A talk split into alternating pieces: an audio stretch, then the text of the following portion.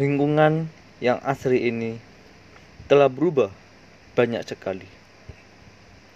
Karena banyak faktor yang terjadi, kerusakan di sana dan di sini. Hati manusia keras bagikan besi. Tertawa atas kerusakan bumi.